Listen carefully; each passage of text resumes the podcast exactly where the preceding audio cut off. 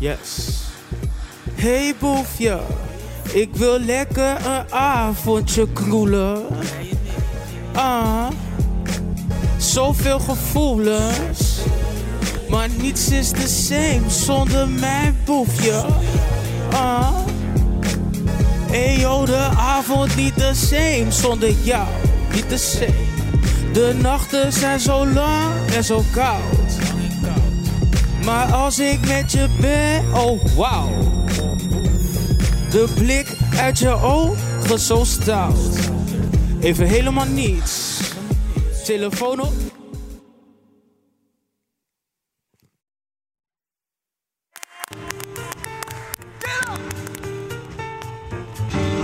Welkom bij Late Night Talks met jouw host Fatima Wassama. Yes, hallo en welkom bij Late Night Talks. Het is uh, maart, het is onze verkiezingsmaand. Afgelopen aflevering heb ik hier aan tafel veel gesproken uh, over politiek en hoe je dat moet beïnvloeden. En er is een uitslag en wat een uitslag ook. Uh, VVD is de grootste geworden, want why change something when it's broken zou Nederland gedacht moeten hebben. D66 ook verrassend groot en een aantal nieuwkomers. Bijeen heeft één zetel gewonnen of behaald. En ook de boerenburgerbeweging, wat ik best wel opvallend vond, ook een zetel. Maar ik zal er maar niet te veel over zeggen voordat Caroline kritiek tussen mijn woorden ziet en aan de wereld vertelt dat ik een haatcampagne tegen haar ben begonnen. verder zijn er ook drie vrouwen met voorkeurstemmen de Kamer ingekomen. en in Nederland hebben we dus nu, als je het rijtje vol maakt qua diversiteit, een transvrouw in de Kamer, Lisa van Gieneke. Twee Kamerleden met een hoofddoek, Kautar Bushlicht en Fonda Sala en de allereerste vrouwelijke zwarte lijsttrekker, Savannah Simons natuurlijk. Duidelijke tekens van verandering. En met deze zetels kunnen mensen van kleur ook zien dat het daadwerkelijk kan. En dat grassroots bewegingen dus ook een verandering teweeg kunnen brengen. Dat brengt ook hoop. Um, maar de afgelopen uh, dagen draaiden ook om deze vrouw. In Britain and around the world this week, sadness and outrage over the murder of Sarah Everard. There is growing outrage and concern about women's safety in Britain after the killing of a woman. Ja, de 33-jarige Sarah werd tien dagen geleden als vermist opgegeven. The 33 year old marketing executive disappeared March 3rd, walking home from a friend's house in London. A week later, her remains were found, and a serving police officer was charged with her murder. Serving police constable has tonight been charged with the kidnap and murder of Sarah Everard. Sarah's family, of course, have been informed of this development and remain supported by specialist officers. Ja, Sarah dus. Uh, zij wandelde rond half tien uh, naar huis na een bezoek aan een uh, vriendin te doen. maar thuis kwam ze nooit aan. Sarah is vermoord en ontvoerd. het lichaam van deze Britse vrouw is ook teruggevonden in een bos ten noorden van Londen. Dit verhaal maakte wereldwijd heel veel los. en er is vooral ook één zin viral gegaan. Text me when you get home. App me wanneer je thuis bent. Het is een bekende zin, ook voor mij. En een van de dingen die heel veel vrouwen en femmes naar elkaar sturen... omdat ze weten hoe het is om de s'avonds laat over straat te lopen... of over straat te fietsen. En dat doe ik ook. Uh, ik stuur denk ik nou ja, vier, vijf keer per maand mijn live locatie naar een uh, vriendin of vriend. Niet omdat ik altijd bang ben, maar omdat je het gewoon maar nooit weet dat, dat is dan wat ik denk. Uh, toen deze foto en ook deze tekst dus uh, viraal ging, merkte ik vooral veel shock en verbazing bij mannen. Oh echt? Huh? Doen jullie dit? Gebeurt dit? Uh, sturen mensen dit elkaar? Uh, en bij vrouwen en femmes ook wat vermoeidheid. En bij mezelf eigenlijk een soort van vanzelfsprekendheid. Van dit is toch normaal? Dit, dit is toch wat iedereen doet? Um, ik wist eigenlijk niet echt dat dit uh, raar was. Dat ik mijn vriendinnen of vrienden een sms stuurde dat ik thuis was nadat ik s'avonds laat over straat ging een paar dingen die me zijn opgevallen als het aankomt op uh, straatintimidatie, die ook veranderd zijn sinds uh, de pandemie. Uh, en invloed hebben gehad op hoe veilig ik me voel op straat. zijn twee dingen: de avondklok en mondkapjes. Klinkt raar, maar ik leg het je even uit. Um, door de avondklok voel ik me eigenlijk tien keer meer onveiliger op straat. Voor mijn werk reis ik vaak na de avondklok op straat. En ik voel me daardoor heel onveilig, omdat het vooral aan het begin van de pandemie muisstil was. Uh, en dat ik dan de, de kans dat disappearing without trace eigenlijk groter uh, lijkt te worden. Misschien is dat niet zo, maar dat lijkt dan te worden, want er zijn minder mensen op straat. En aan de andere kant voel ik me juist veiliger op straat door mondkapjes. Want dat komt door de anonimiteit. Ik word minder vaak aangesproken, nagefloten, uh, aangestaard door mannen. Zo zelfs dat ik zelfs een mondkapje doe als ik aan het fietsen ben, omdat het een echte uitkomst is. En toen ik dit allemaal zo aan, op een rijtje aan het zetten was, besefte ik me van dit is echt niet oké.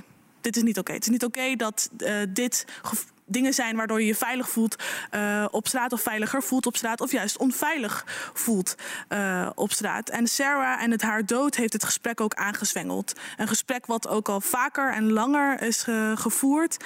Um, maar het geeft ook hoop, want na gesprekken volgen hopelijk acties en gevolgen en daarmee ook verandering. Vanavond ga ik het hebben ook over veiligheid van vrouwen. Niet per se op straat, maar wel online.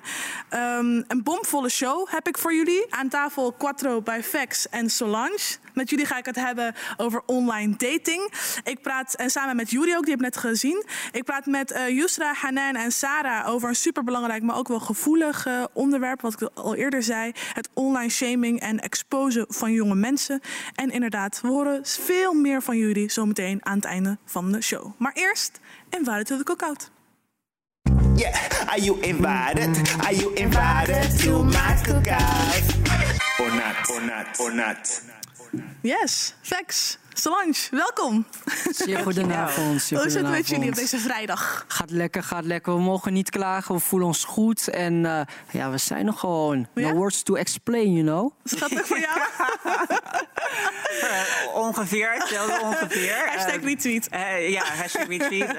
busy, busy. Ja. Maar helemaal prima, helemaal mm -hmm. lekker in de flow. En healthy, en dat is het belangrijkste, toch? Ja, het is vrijdag en eigenlijk zou je dan een soort van feestje moeten hebben. Een cookout, misschien bij mensen thuis. En dat is eigenlijk, eigenlijk wat we doen met het spel. In de Cookout, een uh, imaginary cookout feestje... waarbij je mensen mag uitnodigen. En ik heb een gastenlijst voor je opgesteld.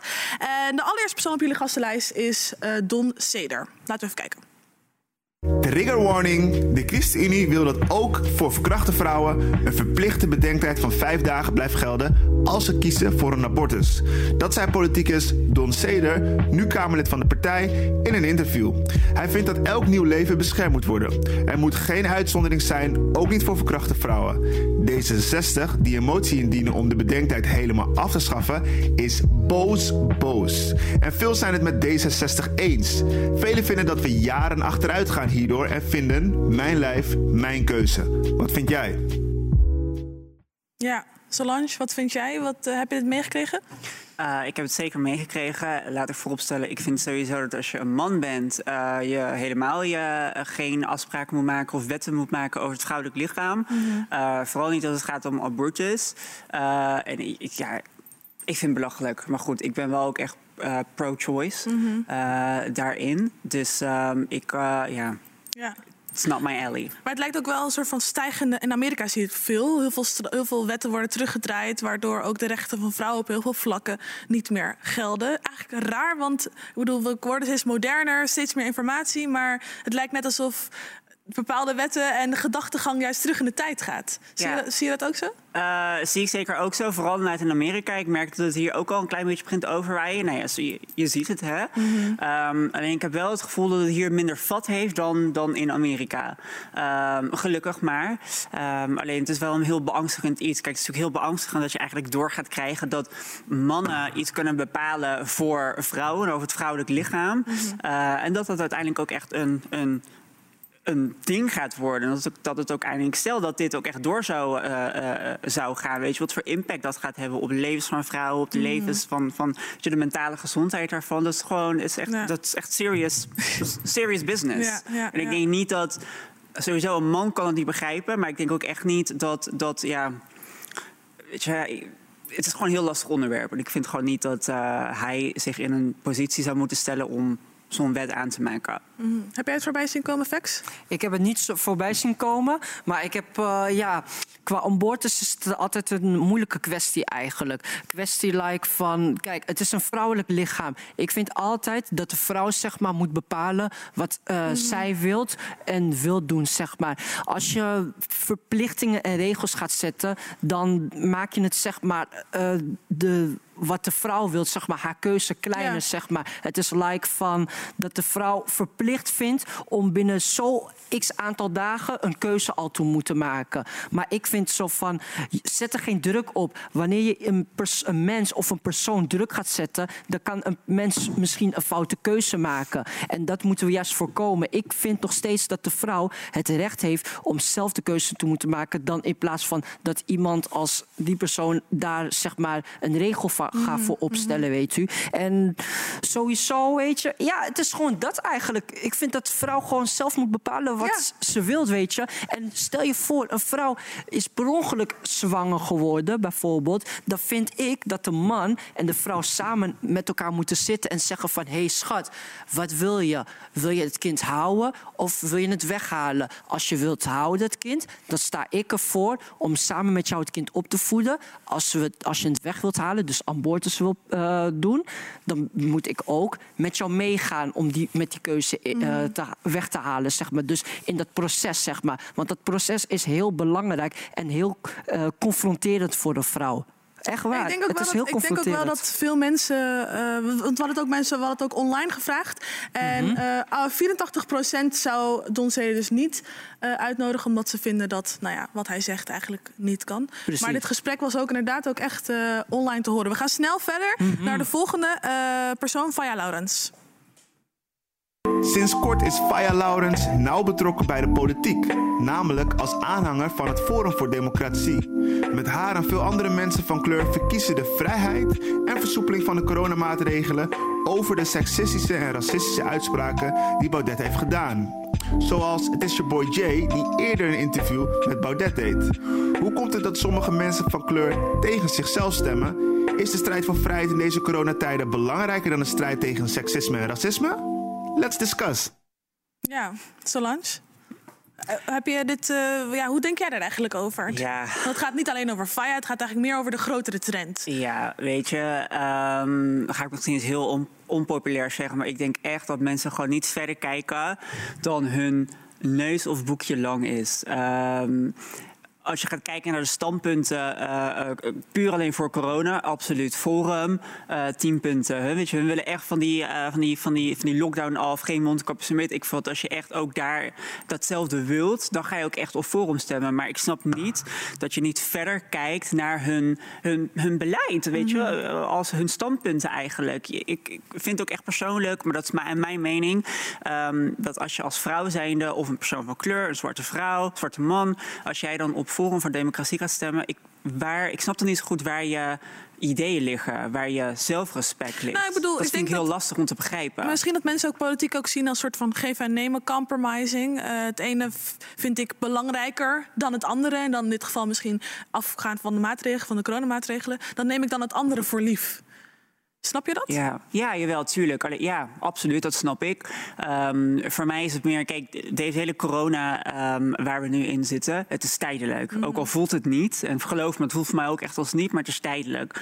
Maar als je op iemand gaat stemmen die fundamenteel um, een, al een negatieve input heeft op wie jij als persoon bent, op, -hmm. op, op vrienden van je, op, op groepen mensen, dat is niet iets tijdelijks. Dat is echt iets wat gaat blijven. Daar, dat, ja, dat vind ik een beetje lastig om, uh, om daar een punt in te maken. Maar goed, ja. ieder zijn ding. Ja, uh, ja, ik respecteer zeker. ieder zijn mening daarin. Ja.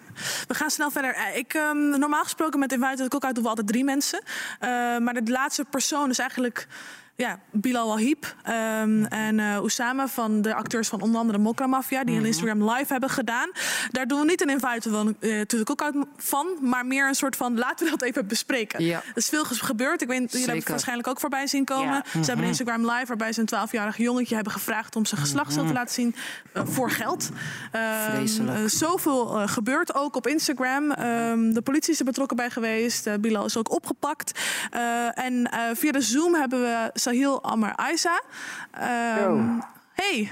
Hallo. Hey. Hey de rest. Ehm, jij hebt op eh, Instagram je hier ook over uitgesproken. Ehm, jij hebt een Instagram-post gedaan, story, eh, waarin jij ja, dat, zij zei dat het schandaal, dus wat er eigenlijk gebeurde, een groter, een groter iets is dan dat, wat er eigenlijk was gebeurd. Kun je het uitleggen? Ja, kijk, ik denk dat het, wat er is gebeurd is een soort van eh, een resultaat van ehm, het klimaat wat wij met z'n allen hebben opgebouwd. Sowieso denk ik dat eh, mannen heel vaak niet in de gaten hebben wat ze eigenlijk eh, met hun macht doen. We hebben, ik, wat, wat, ik precies zei in de story was, we moeten ons als mannen gaan afvragen waarom wij constant macht of seksuele macht willen hebben over anderen ten koste van hun leven of hun imago. Dat het bij dat mannen hebben door het, uh, de doordat we niet veel luisteren naar bijvoorbeeld slachtoffers van uh, online shaming, seksueel geweld, seksueel misbruik, omdat wij vanaf jongs af aan leren van oké, mannen, zij dicteren de regels, vrouwen, uh, die moeten maar naar ons luisteren. Denk ik dat wat je heel erg krijgt in dit soort gevallen is dat de vrouwelijke stem en de stem van de slachtoffers, die vaak, die vaak, vaak vrouwen zijn, dat die uh, niet gehoord worden. En dat die mm. eigenlijk uh, decentraal staan in het hele debat. Waardoor je eigenlijk krijgt dat uh, mannen denken dat ze heel vaak het bij de rechte eind hebben. En waardoor je heel erg een klimaat creëert waarin mannen niet accountable worden gehouden voor hun acties. En eigenlijk zich heel snel een soort van prins te rijk voelen en een soort van ontastbaar voelen. Waardoor ja. ze denken van wij kunnen eigenlijk overal mee wegkomen. En wij kunnen macht uitoefenen over anderen. Ook al worden wij een soort van. Uh, ook al word je gezien als voorbeeldfunctie in dit geval. Uh, en ik denk dat daar een groot probleem in ligt. Is dat er eigenlijk uh, de, de, de hele cultuur. De, de, de, zoals je vaak hoort, de patriarchy. Eigenlijk de man dicteert wat zuiver is, wat niet, ongeacht. En die regels gelden niet voor hem. Uh, dat dat bijdraagt aan een cultuur van: hey, ik kan dit doen, ik kan iemand voor schut zetten of ik kan iemand uh, uh, pesten online of seksueel intimideren. zonder erbij na te gaan van: ik sta in deze positie heel geprivilegeerd, want ik word hier nooit op, na op, op, op, op nagekeken. Ja. En daarom is het eigenlijk heel goed dat we er nu door worden wakker geschud. Ja, wij kennen elkaar goed. We praten hier ook uh, vaak over. Um, uh, en inderdaad, je benoemt het heel goed. Dat dat de, de macht van de man, dat ze overal mee weg zouden kunnen komen. Dat het niet uitmaakt wat de gevolgen zijn voor een ander. Um, zie jij dat dan nu ook een beetje afbrokkelen met alle gevolgen die vooral Bilal nu heeft meegemaakt? Ja, het is natuurlijk. ja, en daarom, daar, daarom vind ik het ook interessant om. Um, bijvoorbeeld ikzelf, uh, je hoort heel, online denk je, hoor je heel veel van ah, pedofilie, pedofilie. Ja. Ik denk zelf denk ik niet echt dat het pedofilie is. Ik denk juist meer dat het een, guy, een man is die denkt ik ga mijn macht uitoefenen om iemand zo ver te krijgen om iets te doen. Uh, en ik denk dus dat het probleem, dat we dat niet moeten wegschuiven in, in, de, in, in de hoek van hè, uh, pedofilie. Ik denk juist dat we moeten gaan kijken, nee, volgens mij is het iets veel groters, namelijk... Um, uh, uh, de ontastbaarheid van mannen. En ik mm. hoop dat we dat, dat zie je eigenlijk veel meer komen.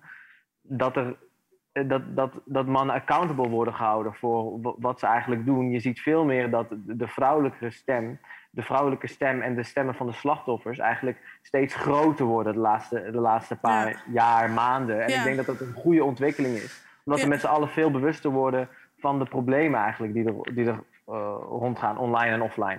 Ja, je zou misschien ook wel een soort van link kunnen maken met een soort hashtag MeToo, weet je wel. Toen uh, was het 2016, 15, ja. 17, 18... waarbij veel, uh, van, de, veel van dit soort verhalen werden uh, gepubliceerd... naar buiten kwamen van voornamelijk vrouwen... die seksueel geïntimideerd zijn door mannen. En dit, dit is nu gebeurd in een soort van hyper, supersnel...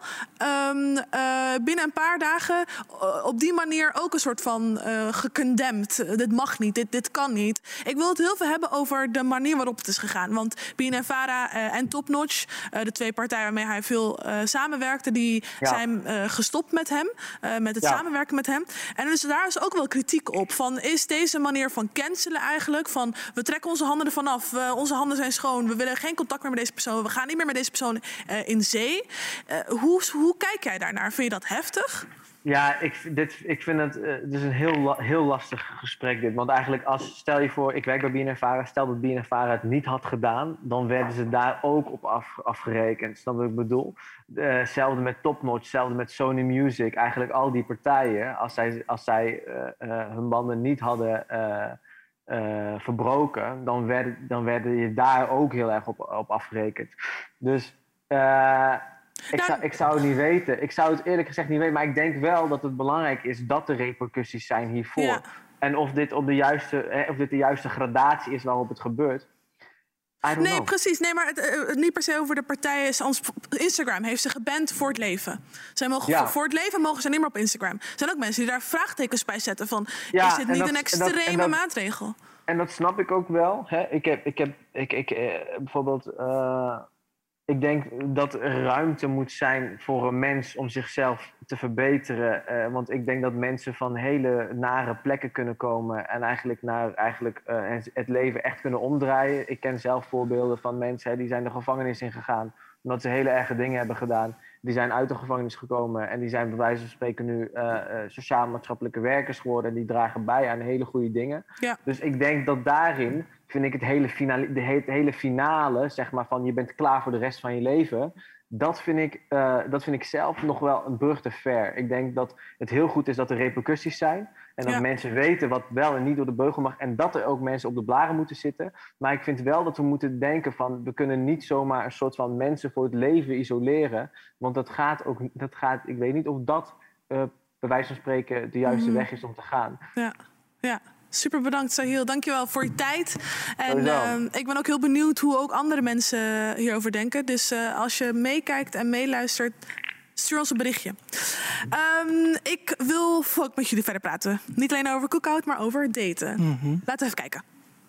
Daten tijdens corona. It's a pandemic! We zitten al bijna een jaar in lockdown. Eenzaamheid stijgt enorm bij de singles in Nederland. Zes van de tien singles voelen zich super lonely. En veel singles snakken daarom naar aanraking en goede gesprekken. Maar hoe doe je dat tijdens de coronacrisis? Gaan we terug naar Bumble en Tinder? Of is Instagram juist de place to be om je toekomstige wifey of hubby te vinden? En als je op date gaat, waar ga je naartoe? En hoe doe je dat creatief en coronaproof? Wie weet het juiste antwoord hierop? We praten met Yuri, Quattro bij Vex en Solange Dekker over de dating scene in a pandemic. Yes, welkom. Juri ook. Dankjewel. Goed dat je er bent. Ja, Ik eh, begin even bij jou. Want Ja. we hebben net een stukje van je nummer Boefje gehoord. Een boefje op de bank. ja. Ehm, hoe is het? Heb je een boefje? Nee, ik heb, eh, op dit moment heb ik mijn eigen boef. Maar er zijn wel... eh, we zijn gewoon op de markt.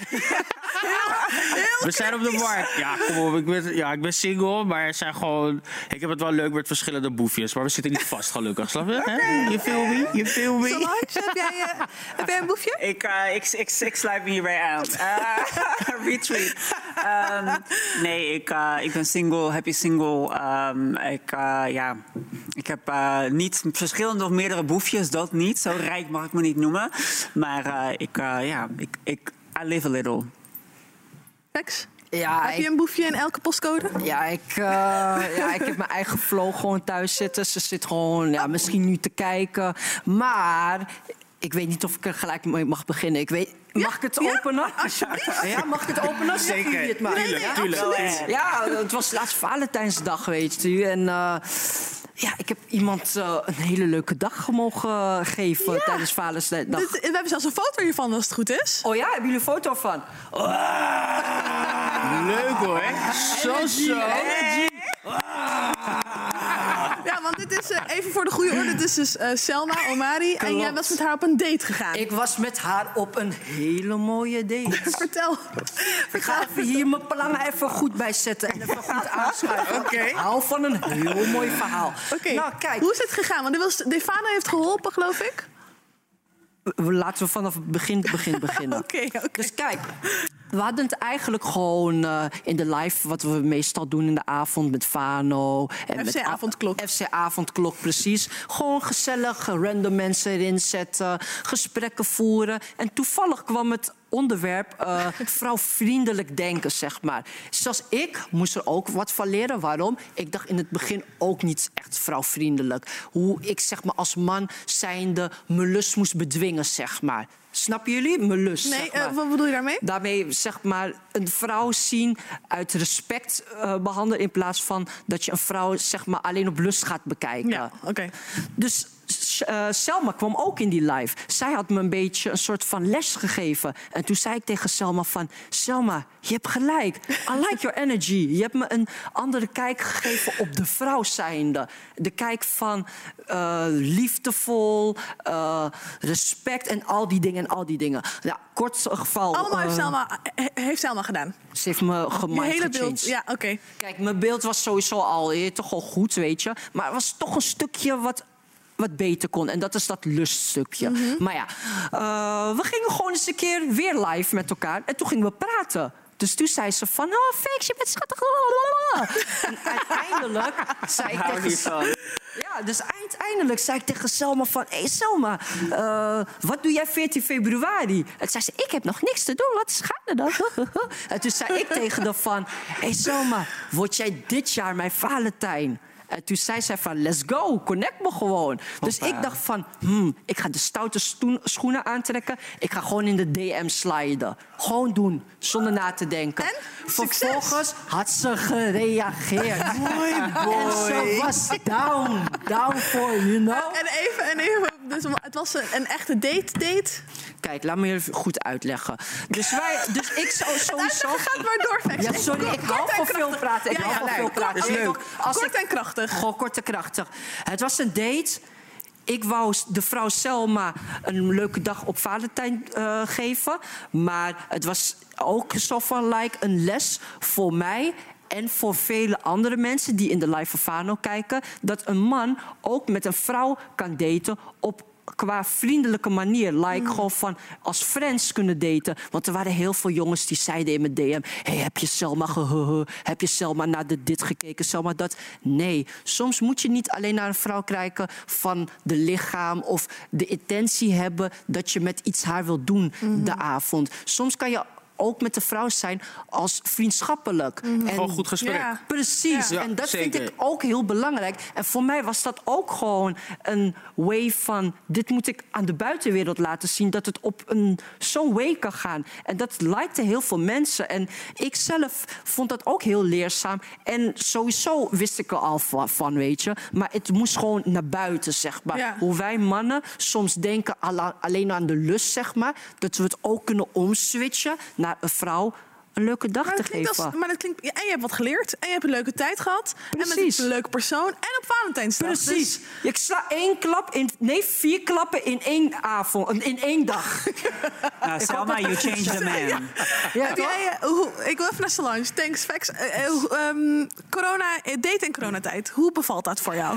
Ja, hoe, Want je hebt natuurlijk de apps. Je hebt, eh, wat heb je nog meer? Mensen die misschien jou kunnen, kunnen koppelen aan mensen. Hoe, hoe doe jij dat nu? Nou ja, ik, eh, ik, eh, het is inderdaad een coronapandemie. Eh, dat ontken ik niet, dat het wel een stuk lastiger wordt. Ook vanwege de sociale druk, hè, om dan nu te gaan daten. Want mensen hebben toch altijd hun mening paraat staan. Ook al doen ze het zelf net zo hard. Ehm, maar ja, ik moet daar heel eerlijk in toegeven. Ik, ik heb nog steeds mijn baan. Ik werk ook nog gewoon steeds op locatie. Mijn, mijn, ja, mijn fulltime uren. Dus voor mij verandert er eigenlijk niet heel erg veel. Dus ik heb ook zelf niet heel erg veel tijd gehad om echt ehm, boefjes te vangen. Ehm, maar eh, ehm, ja, ik ga dat niet ontkennen dat ik wel dates heb gehad in de coronapandemie. Absoluut. Ehm, ik denk dat je ook goed moet beseffen dat je een mentale gezondheid hebt die je hoog moet houden. En dat je ook jezelf moet pleasen daarin. En het is gewoon een menselijke behoefte om op date te kunnen gaan met iemand. Om een leuk gesprek te kunnen hebben met iemand. Om, eh, om weet ik veel wat te doen met, eh, met, met iemand of iemanden. Ja.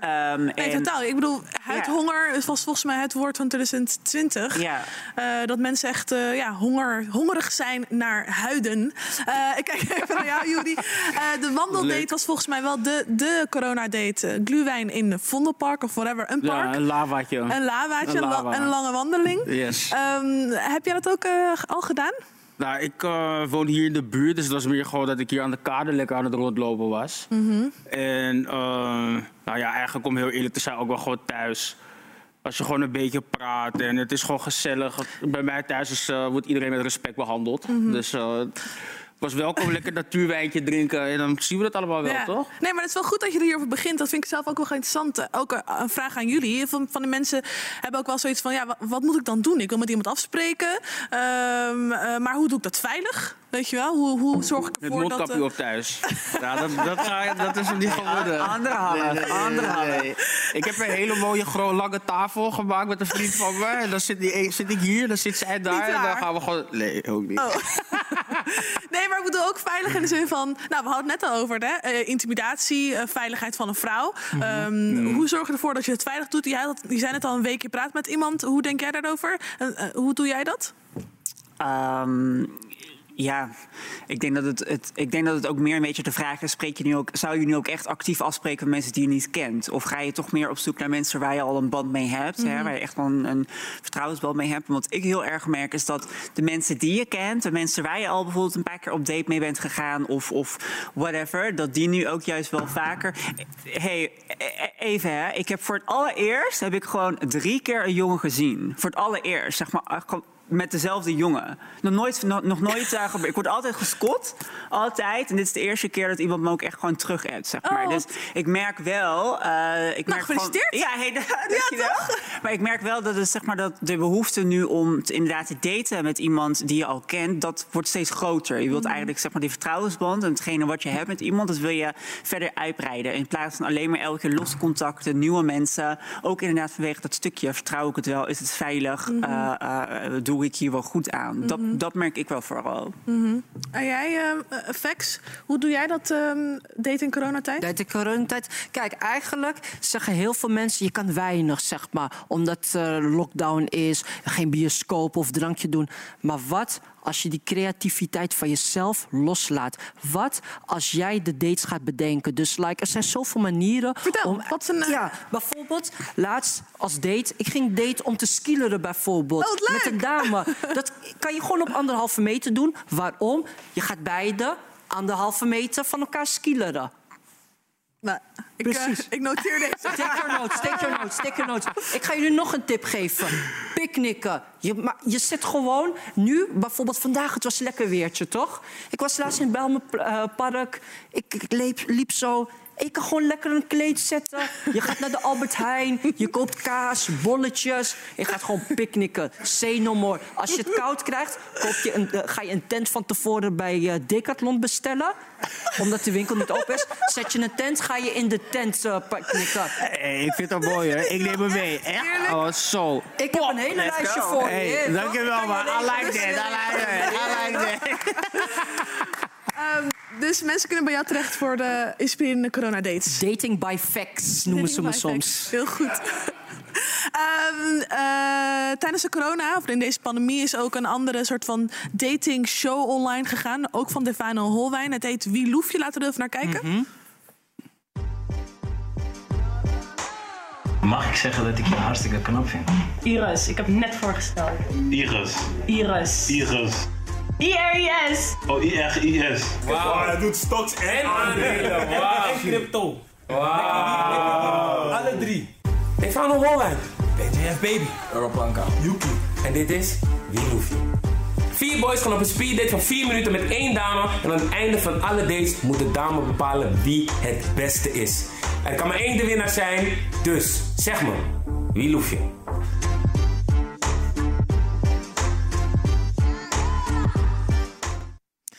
Ja, toen ik dit zag, moest ik gelijk denken van... zal ik dat eigenlijk doen? Speed daten met, eh, met iemand. Zou je dat doen, uh, Solange? Ja. Ja? Ja. Ja, ik heb uh, de laatste keer meegedaan met de speed dating. Oh? En, uh, of ja, blind date slash speed daten. Hoe was het? Ja, was wel geinig. Het, was wel, het, was, het ging live, dus het was via Instagram. Oh, oké. En uh, ja, een beetje kletsen. En het, was, het was voor mij voor het eerst. Ik heb nog nooit een blind date of een speed date gedaan mm -hmm. before corona. Mm -hmm. Dus uh, ja, ik moest wel een beetje, hè, een beetje warm worden. en, uh, maar het was wel grappig eigenlijk. Ik vond het wel leuk. Ja, even voor herhaling vatbaar? Uh, ja, jawel. En als laatste nog aan jou, Flex. Zou je een speeddate doen? Kijk, als ik nu geen eh, flow had, dan had ik het wel gedaan. Weet je toch? Want anders wordt en flow is dus iemand- waar je mee, mee bezig bent, Oké, zeg ja, maar. ja, ja. Eh, weet je toch? Potentie van, weet je toch? Precies. Maar ik zou gewoon het meedoen. Waarom? Ik zou gewoon, ja, meerdere, ja, gewoon een dame beter willen kennen op een snelle way, zeg maar, van wielhoefjes, zeg maar. Mhm. Maar ik zou wel meer tijd nodig hebben. Waarom? Ik ben wel iemand van de woorden. Ik hou van, ja, je weet toch, die interactie. Ja, ja zeker. Heel, heel goed, dankjewel. Alle drie super bedankt. Juri, ik ga met jou praten en ik ga met jou een spel doen. En als je zijn ehm, muziek nog niet kent, kunnen we het nu even zien. Yuri, ook wel bekend als Caribbean Beauty op Instagram, doorbreekt het stereotype beeld van wat een man moet zijn. En hij doet dit met een humoristisch tintje en een heleboel zelfspot. Uitspraken zoals haarlijn is niet meer wat het was, maar nog wel verdomd knappe gast passeren de revue. Hij heeft een ongrijpbare sound en een nog ongrijpbaardere stijl, a.k.a. Balanced Bougie. Zijn nieuwste EP, Liefs, is in samenwerking met Phantom Wizard een ode aan de liefde. Duik in deze klassieker en je wordt sowieso onderdeel van zijn Lovers Club.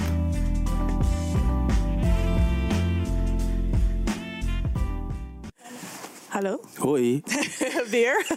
Jou, Ik wil het heel kort even hebben over jouw album. Liefs. Helemaal Ja. het thema van daten en liefde. Ja. Wat is de inspiratie? Waar gaat het eigenlijk precies over? Nou, het is eigenlijk eh, samen met Isha, Phantom Wizard, zaten we. Die heb ik vorig jaar leren kennen. En ja, het is gewoon een tijd waarin er zoveel gebeurt. En dat mensen eigenlijk niet meer stilstaan met wat het mooiste is ter wereld. Dat is liefde. Toen dachten we gewoon, joh, laten we gewoon eventjes Mhm. een liefdevol EP'tje maken. Mhm. En daar is uh, liefst uitgekomen. Ja, want dat vind Kussens ik ook van wel- ons. Ja, ik vind het ook helemaal passen bij jou en jouw flow en wat je ook uitstraalt. is gewoon Ja. liefde, lief voor elkaar zijn en lief voor jezelf zijn. Mhm. Het lijkt Oké, wat er gedaan was. Maar volgens mij hoort iedereen ons goed. Ehm, ik ga even snel, snel door ehm, naar een erg belangrijk onderwerp waar ik net ook al over had, namelijk exposen en online shamen. Dat doe ik samen met eh Yusra, Hanan eh, en Sarah. Laten we even kijken. Shamen en exposen is van alle tijden. Maar met de komst van het internet en sociale media heeft het ernstige vormen aangenomen. Via onder andere Instagram, Facebook, Snapchat en Telegram worden vrouwen en jonge meiden aan de schandpaal genageld en worden er zonder toestemming video's en foto's gedeeld. Samen met andere prominente Nederlanders is oud-politicus Tovik Dibi een actie begonnen tegen online shaming en expose accounts. Onder de hashtag Stop Shaming doen ze een oproep aan politici, justitie en sociale media om het fenomeen te bestrijden. Vandaag praten we over online shaming binnen de Marokkaanse Nederlandse gemeenschap met senior onderzoeker Hanan Nahas, criminoloog Sarah Ashachbar en journalist Yusra Oulet Messaoud.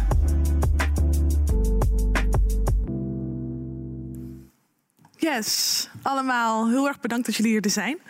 Ehm, we gaan praten dus over online shaming en eh exposen online.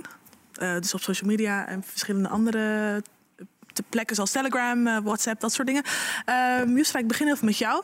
Wel, ik zei het net al een beetje ook in mijn monoloog, maar er is dus heel veel aan de hand. Bilal Wahib is daar misschien ook een, een, een voorbeeld van op een andere manier. Ehm, het begon allemaal al met eh Younes Ouali vorige maand. Daar heb ik ook hier aan tafel aandacht eh, aan besteed. Van eh naar alle ophef van hem naar aanleiding van propaganda. Het KRO-NCRV-programma eh, van eh Charissa Choutou. Ehm, en daar is ook een hashtag uitgekomen. Hashtag Stop Online Haat op Clubhouse. Eindeloze gesprekken over dit onderwerp die jullie waarschijnlijk ook allemaal hebben eh, meegekregen. Ehm, maar ik zag jou ook heel veel hierover praten op social media. Ehm, wat, wat is, kan je even uitleggen wat er bij jou prikkelde om eh, ja, ook actief mee te doen hieraan? Ja, wat het is, heel veel mensen denken dat het eigenlijk, eh, dat hele Yunus Ouadi gebeuren, dat het eigenlijk pas is begonnen sinds eh, de propaganda-aflevering. Maar dit is echt een probleem wat al decennia lang speelt. En eh, voorheen was dat offline, en nu is dat online. En is dat gewoon gaan uiten op. ja, gewoon walgelijke manieren. En door middel van propaganda is het heel erg aan het licht gekomen. Uh, maar wat expose cultuur eigenlijk is en wat shame cultuur eigenlijk is, is vooral uh, het neerhalen van mensen, of eh, vooral vrouwen en femmes, die zich eh, uitspreken bijvoorbeeld tegen anti-black racism, maar ook bijvoorbeeld tegen eh, ja, homofobie, transfobie en onder andere ook gewoon zichzelf zijn eigenlijk en comfortabel zijn in hun seksualiteit vaak. Mhm. En dat wordt heel vaak heel erg neergehaald. Ja, En, ja. Dat is basically wat het is. Ja, ja want Hanan, ehm op zijn ook heel vaak mensen, wat we ook zeggen met Younes Ouali, dat vrouwen worden geshamed voor eigenlijk hele normale dingen. Dus gewoon een shirt aan of een TikTok-video of eh, nou ja, ga ze maar door zingen of wat, whatever. Ehm, dus het is niet alleen maar expliciete vormen zoals naaktfoto's. Hoe, hoe kan dat? Hoe is dat zo? Nou ja, er is eh, natuurlijk een dubbele seksuele moraal. Dus eh, wat gewenst is voor eh, mannen en jongens, is dat niet voor meisjes en vrouwen. Ehm, dus er wordt met ja, een dubbele maat gemeten, inderdaad. Ehm, je ziet ook bij meisjes die bijvoorbeeld een hoofddoek dragen, als er dan een foto, als er een foto is waar ze geen hoofddoek op dragen, dan is dat al, wordt dat al gezien als een soort van een vorm van naaktheid, om het even Mhm. tussen haakjes te zeggen. En eh, ja, zo kunnen die meiden inderdaad, eh, ja, zo kan dat zo'n foto een beetje een eigen leven gaan leiden. En eh, dat heeft ook vaak wel een impact op, op de afgebeelde persoon. Ja, want dit is ook een gesprek wat ik al eerder zei, wat zich voornamelijk afspeelt in de Marokkaanse gemeenschap. Ook het woord MENA hoor je veel, MENA vrouw, MENA vrouwen. Wat betekent dat precies? Is dat niet Middle East? eh, region, Middle East, North North Africa? African, Ja, dus dat is Ja. niet alleen maar Marokkaans, misschien ook Algerijns. eh, dat ook eh, eigenlijk het noorden van Afrika inderdaad. Ehm, hoe- kun je misschien uitleggen hoe dit voornamelijk zo specifiek eh, rondom de Mar- Marokkaanse gemeenschap eh, dit probleem zich speelt en uit en we er ook op die manier het over praten? Ehm, nou ja, eh, we zien uit eerder onderzoek natuurlijk dat eh, Marokkaanse meiden eh, negatieve, veel meer negatieve ervaringen hebben met sexting. Dat, ik heb toen een onderzoek gedaan naar sexting, het versturen van seksueel getinte beelden.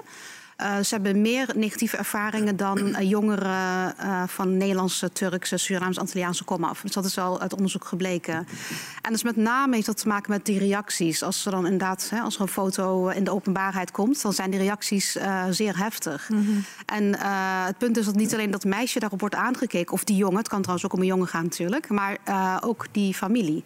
En dat maakt die impact heel erg groot. Ehm, en zo zie je dus ook dat er heel veel schaamte is. ehm, voor meisjes voor wie geloof wel belangrijk is. Ze hebben ook het gevoel dat ze eh, ook vergiffenis moeten vragen aan God. En dat hele punt wordt bijvoorbeeld in de hulpverlening helemaal niet meegenomen. En dat is ook wat ik in mijn onderzoek probeerde bloot te leggen. En ik heb ook gezocht naar manieren om ehm, deze slachtoffers te helpen op een goede manier.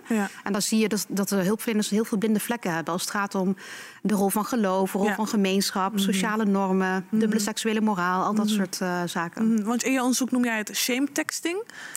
Ja, het is in principe shame eh, sexting. Eh, online shaming kun je het ook noemen. Maar ik ben niet voorstander van slutshaming.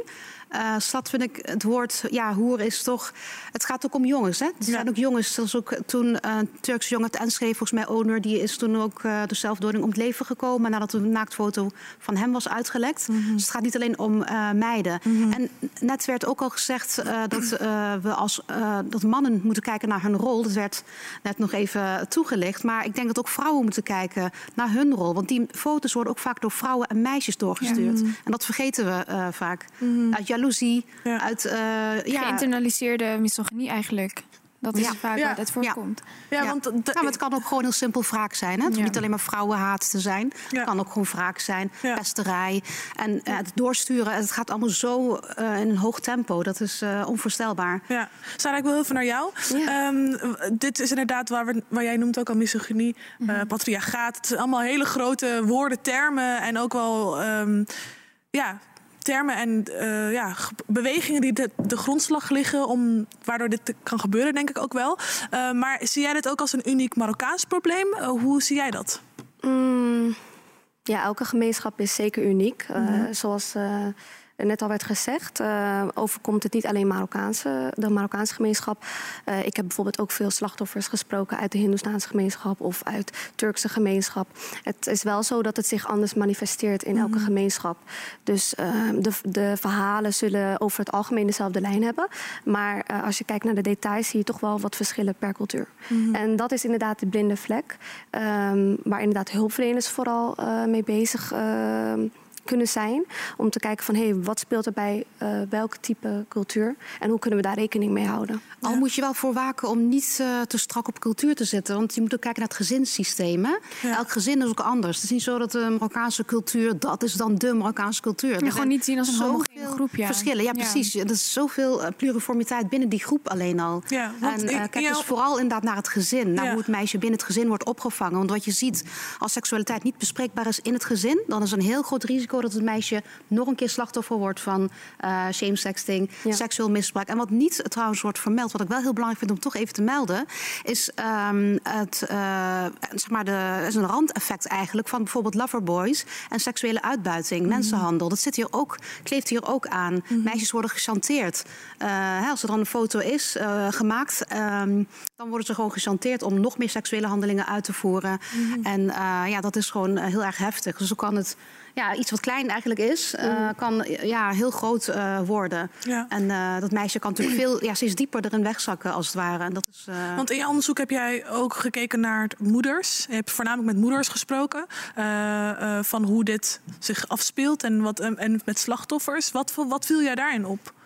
Nou ja, kijk, het, wat ik net al zei, hè, als eh, seksualiteit thuis niet bespreekbaar is, dan eh, heb je dus het hele punt van chantage. En dan, heb je dus, hè, dan eh, kunnen problemen gewoon escaleren, als het ware. Terwijl wanneer je het thuis kunt bespreken en je dochter of zoon komt naar je toe en zegt: Ik word gechanteerd met een, met een foto. en je kunt het thuis gewoon bespreken, dan kun je het eigenlijk al redelijk goed ja, oplossen. Als dat niet zo is, dan krijg je natuurlijk hele andere uh, taferelen. En uh, dat is gewoon hartverscheurend als je die verhalen leest van de slachtoffers. Ja, um, ja dat Sarah? is. Nee, klopt. Ik uh, sluit me zeker daarbij aan. Elke zaak moet uiteraard uh, individueel bekeken worden door de hulpverlener. Elk gezin is anders. Maar toch zie ik vanuit mijn ervaring een rode lijn in, in uh, slachtoffers, bijvoorbeeld vanuit de Marokkaanse gemeenschap, die dan toch een beetje het gevoel hebben van. Ja, maar ik kan het eigenlijk niet zeggen. Zonder dat ze misschien al het gesprek hebben gevoerd met hun ouders, heerst er een gedachte van: volgens mij is het niet helemaal bespreekbaar. Mm. Dus er zit wel een rode lijn in, maar absoluut, er moet naar de individuele casus gekeken worden. Ja. ja. maar ja, die bespreekbaarheid is inderdaad heel interessant. Daar heb ja. ik ook uh, echt wel goed naar gekeken, ook in al die gesprekken. En wat het punt is, je kunt het wel bespreken, maar er zit inderdaad wel een bescheidenheid in. Ja. De taal die men gebruikt is heel impliciet. Men heeft het niet over uh, vrijen, maar slapen met. Mm -hmm. Men heeft het niet over naaktfoto, maar foto waarvoor je je moet schamen. Mm -hmm. Dus het is altijd een omschrijving, het is heel impliciet. Dus je kunt er op zich wel over praten, maar op een wat bedektere uh, manier. Mm -hmm. En daar zijn nu wel gelukkig in de community mensen, bijvoorbeeld een geestelijk verzorger die ik heb gesproken, die daar echt mee bezig is om uh, in uh, allerlei, uh, ja, in allerlei samenkomsten um, daarover te spreken. En mijn onderzoek is trouwens geïnitieerd, heb ik dus eigenlijk geïnitieerd doordat ik in de moskee ben geweest. Okay. En daar het gesprek daarover in een voorlichtingsavond is gevoerd. Oh, echt? Dus ja. ja. dat vond ik inderdaad ook wel bijzonder. Ja, ja, maar nu zie je dat, wat jij ook zegt, inderdaad, dat, be, dat bedekkende manier van praten, dat herken ik zelf ook. Uh, ik heb zelfs een Marok Marokkaanse, Somalische achtergrond. Het is wel anders, maar de, wel gelijkenissen, denk ik, in, op sommige vlakken.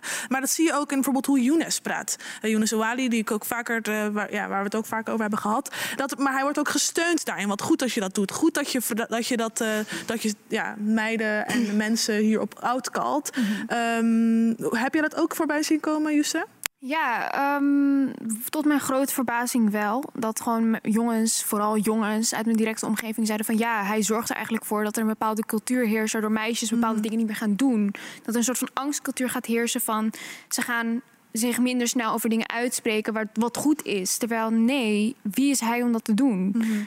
What God complex having person doet zoiets? Waarom zouden wij als vrouw zijnde bang moeten zijn voor iemand die ons opeens gaat shamen of zo. Ik ken echt geen enkele Marokkaanse vrouw in mijn omgeving die niet tien keer nadenkt bij bepaalde stappen uh, voor de, van oh shit, misschien gaat dit gebeuren of misschien gaat dat gebeuren. Mm -hmm. uh, of misschien ga ik daarop geëxposed worden. En het zijn echt minor things van een Black Lives Matter protest bijwonen tot je uitspreken tegen misogynie, tot uh, weet ik veel, een rok aandoen die net iets boven de knie is. Dat soort Mhm. dingen. Mm -hmm. Ja, hoe, hoe, ja, sorry. Ja, ik wilde ook eigenlijk jou vragen, Sarah, van hoe kan dat, dat dat ook wordt aangemoedigd? Van goed dat je dat doet en hier moeten we mee doorgaan. Ja, het is voor mij altijd de vraag hè, wat er in het hoofd omgaat van een persoon uh, die dat zegt. Maar um, uh, wat mijn interpretatie is, is dat uh, Younes een bepaald type beeld heeft van de slachtoffers. Dat ze um, de religie aanhangen van islam in de meeste gevallen. Dat ze een bepaalde leefstijl horen aan te hangen waar hij um, ook mee bezig is, of tenminste mee bezig hoort te zijn. En ehm, ik merk dat die verwachting ervoor zorgt dat het een, een, een groot ding wordt. Dus ik verwacht dat het meisje, wat Marokkaans is, wat op TikTok een filmpje maakt, eigenlijk een vrome moslim hoort te zijn. En ik, ik bepaal hoe zij, zich dat moet, eh, hoe zij zich daarin moet uiten. Dus die verwachting heb je minder snel bij andere eh, slachtoffers van andere. dan kom ik weer terug op het woord cultuur, want het heeft, het heeft toch een lijn erin. Dus ehm, de mensen die inderdaad die reacties plaatsen, denk, denk ik ook op die manier. Van, ik, ik wil me daar ook over uitspreken. Van, ze is eigenlijk een moslim en wat zij doet is niet goed volgens de islam.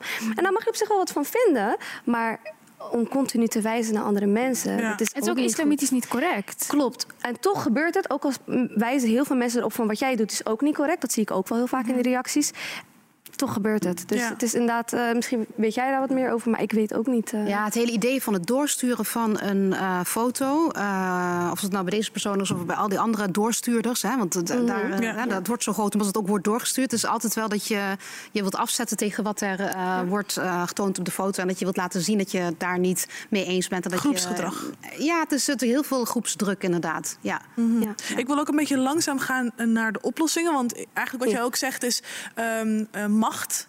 Macht uitoefenen, man, mannelijk macht. Wat Sahil ook al eigenlijk zei van... eh, ik, ik kan alles maken, omdat... eh, wat jij ook zegt, dat, Ja. want eh, niemand spreekt mij erop aan. Die dubbele seksmoraal waar jij het over hebt. Hoe, hoe moeten we ervoor zorgen dat ehm, deze doorstuurders... de- dit, dit, ja, deze ontwikkeling eigenlijk stopt?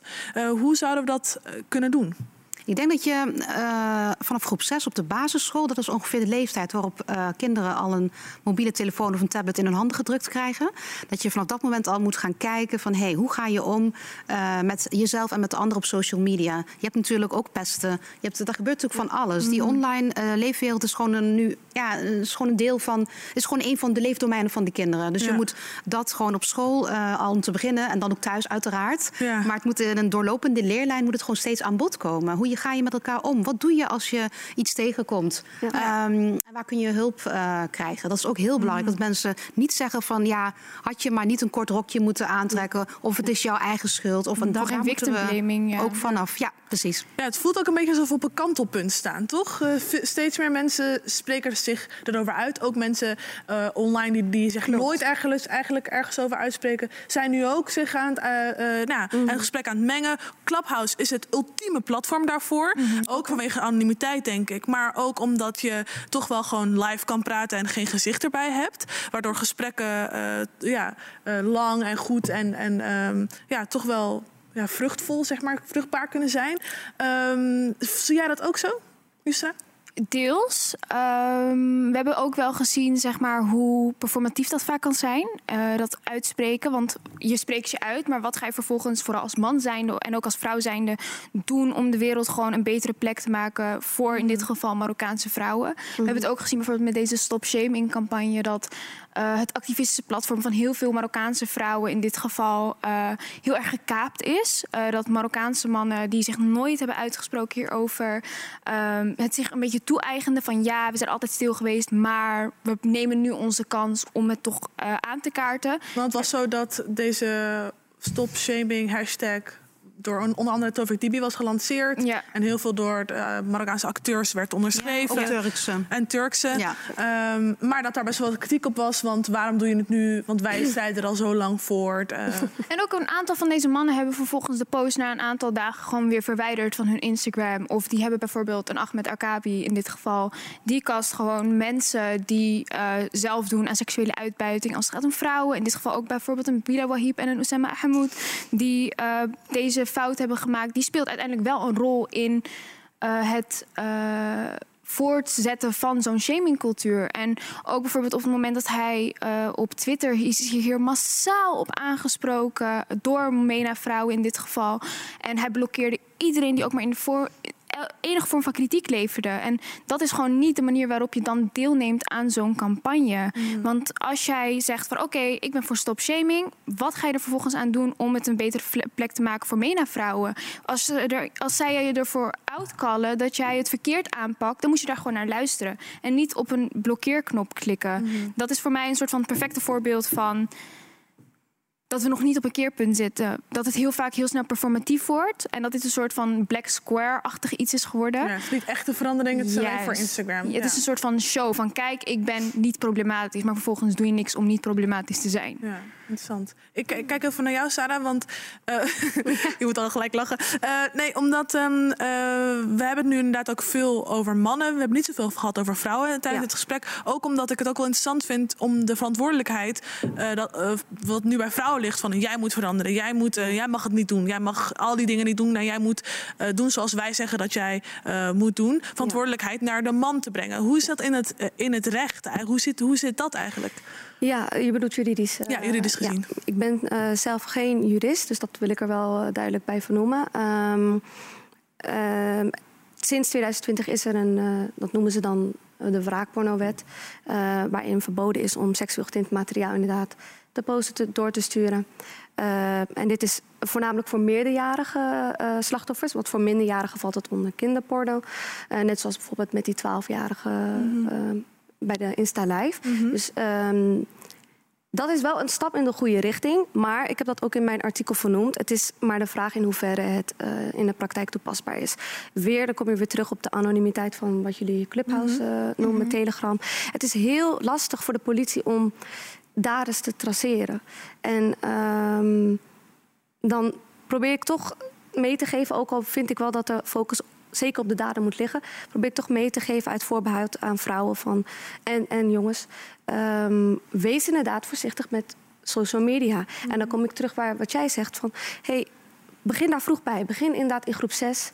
Hoe ga je om met social media? Hoe ga je er vooral veilig mee om? Ik heb zelf ook twee kleine broertjes.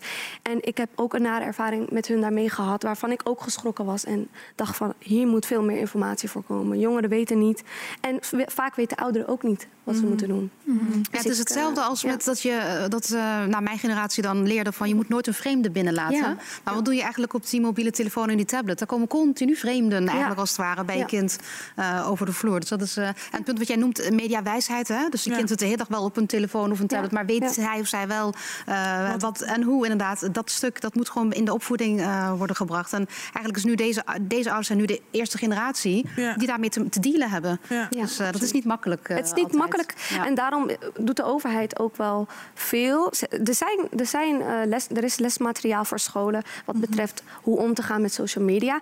Maar volgens mij moet er nog een inhaalslag gemaakt worden in hoeverre het ook in Ja. de praktijk geleerd Ja, wordt aan eh, Wat je wel studenten. vaak ziet inderdaad bij eh, school, eh, bij docenten, maar ook bij hulpverleners, dat ze gewoon die ontwikkelingen amper kunnen bijhouden. Ja. Weet je, Ja. Ja. dat is nu TikTok, er Ja. zijn nu van alle. Ik, ik hou het ook amper bij. Ik hou er niet bij gekomen. Clubhouse, Er komt iedere keer weer wat nieuws Er komt bij, elke keer nieuws bij en ze nou, houden het allemaal maar nauwelijks Ja. bij. En je moet het eigenlijk wel een beetje kunnen bijhouden om te Mhm. weten hè, hoe werkt dat en eh, wat zijn de mogelijke risico's. Ja. En juist omdat het impact dus heel groot kan zijn, net als inderdaad wat je zegt, zelfmoord of inderdaad dat mensen gechanteerd worden, vind ik dat er eh, toch wel meer naar gekeken moet worden. Inderdaad, de overheid kan iets meer een push geven Ja. van jongens, hier moet blijf, blijf erin ontwikkelen. Ja. Ehm, alleen zo kunnen we inderdaad voorkomen dat er nog meer slachtoffers vallen in de Ja, toekomst. Ja.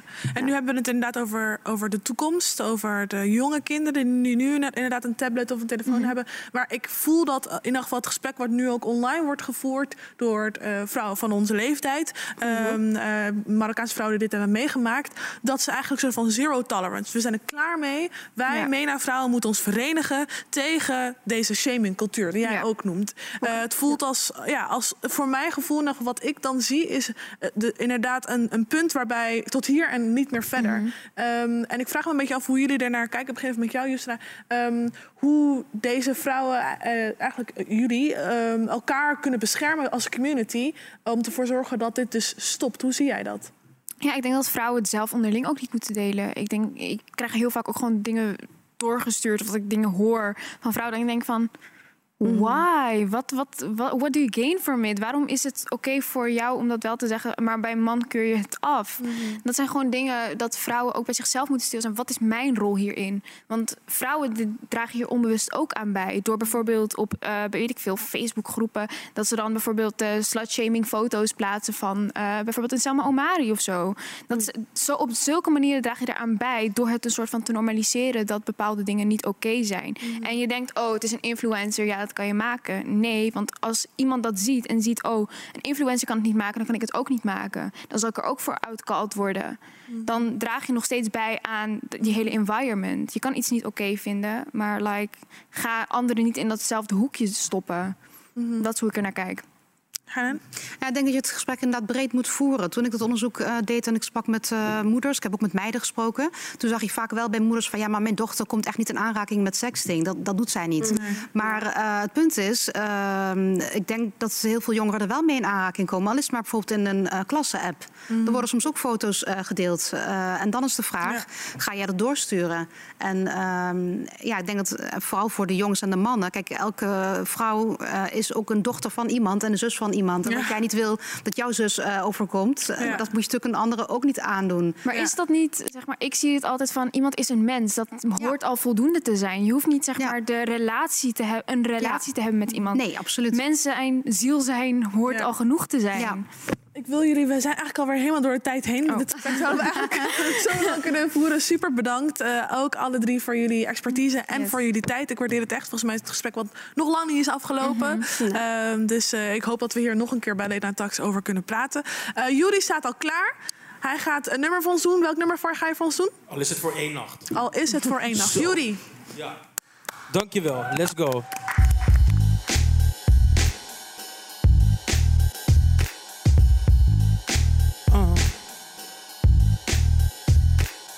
Als jij besluit om te komen vanaf, laat ik je vast. Al is het voor één nacht. ah. Maar als ik morgen wakker word naast jou, kan ik niet beloven dat ik je weer loslaat. ah. Dag in, dag uit, op straat of thuis, denk ik aan jouw lach. mm. Maar als ik dan terugdenk aan die dag, vraag ik me af of ik het wel goed heb gedaan. Ah, het blijft van niet. Jaren later geeft niemand mij het gevoel dat ik krijg als ik jou zie. Waarschijnlijk daarom zo losgeslagen en niet te houden. Ah, door niemand niet, weet. Ah. Als jij besluit om te komen vanaf, hou ik je vast. Al is het voor één nacht. mm. Maar als ik morgen wakker word naast jou, kan ik niet beloven dat ik je weer loslaat. Als jij besluit om te komen vanaf, hou ik je vast. Al is het voor één nacht. mm. Maar als ik morgen wakker word naast jou, kan ik niet beloven dat ik je weer loslaat, babe. Dat ik je weer loslaat, loslaat. Dat ik je weer loslaat. Hey boef, kom je weer naar jou? Ah, hey boef, ja, ah, kom je weer naar jou? Is voor mijn boefjes, hey schat. Kom je naar jou? Soms ontmoet je iemand en hè, dagen, jaren, weken, maanden, eeuwen, millennia later denk je er nog steeds aan. Al is het voor één nacht. Dank jullie wel iedereen. Hele fijne avond. Wel thuis. Later.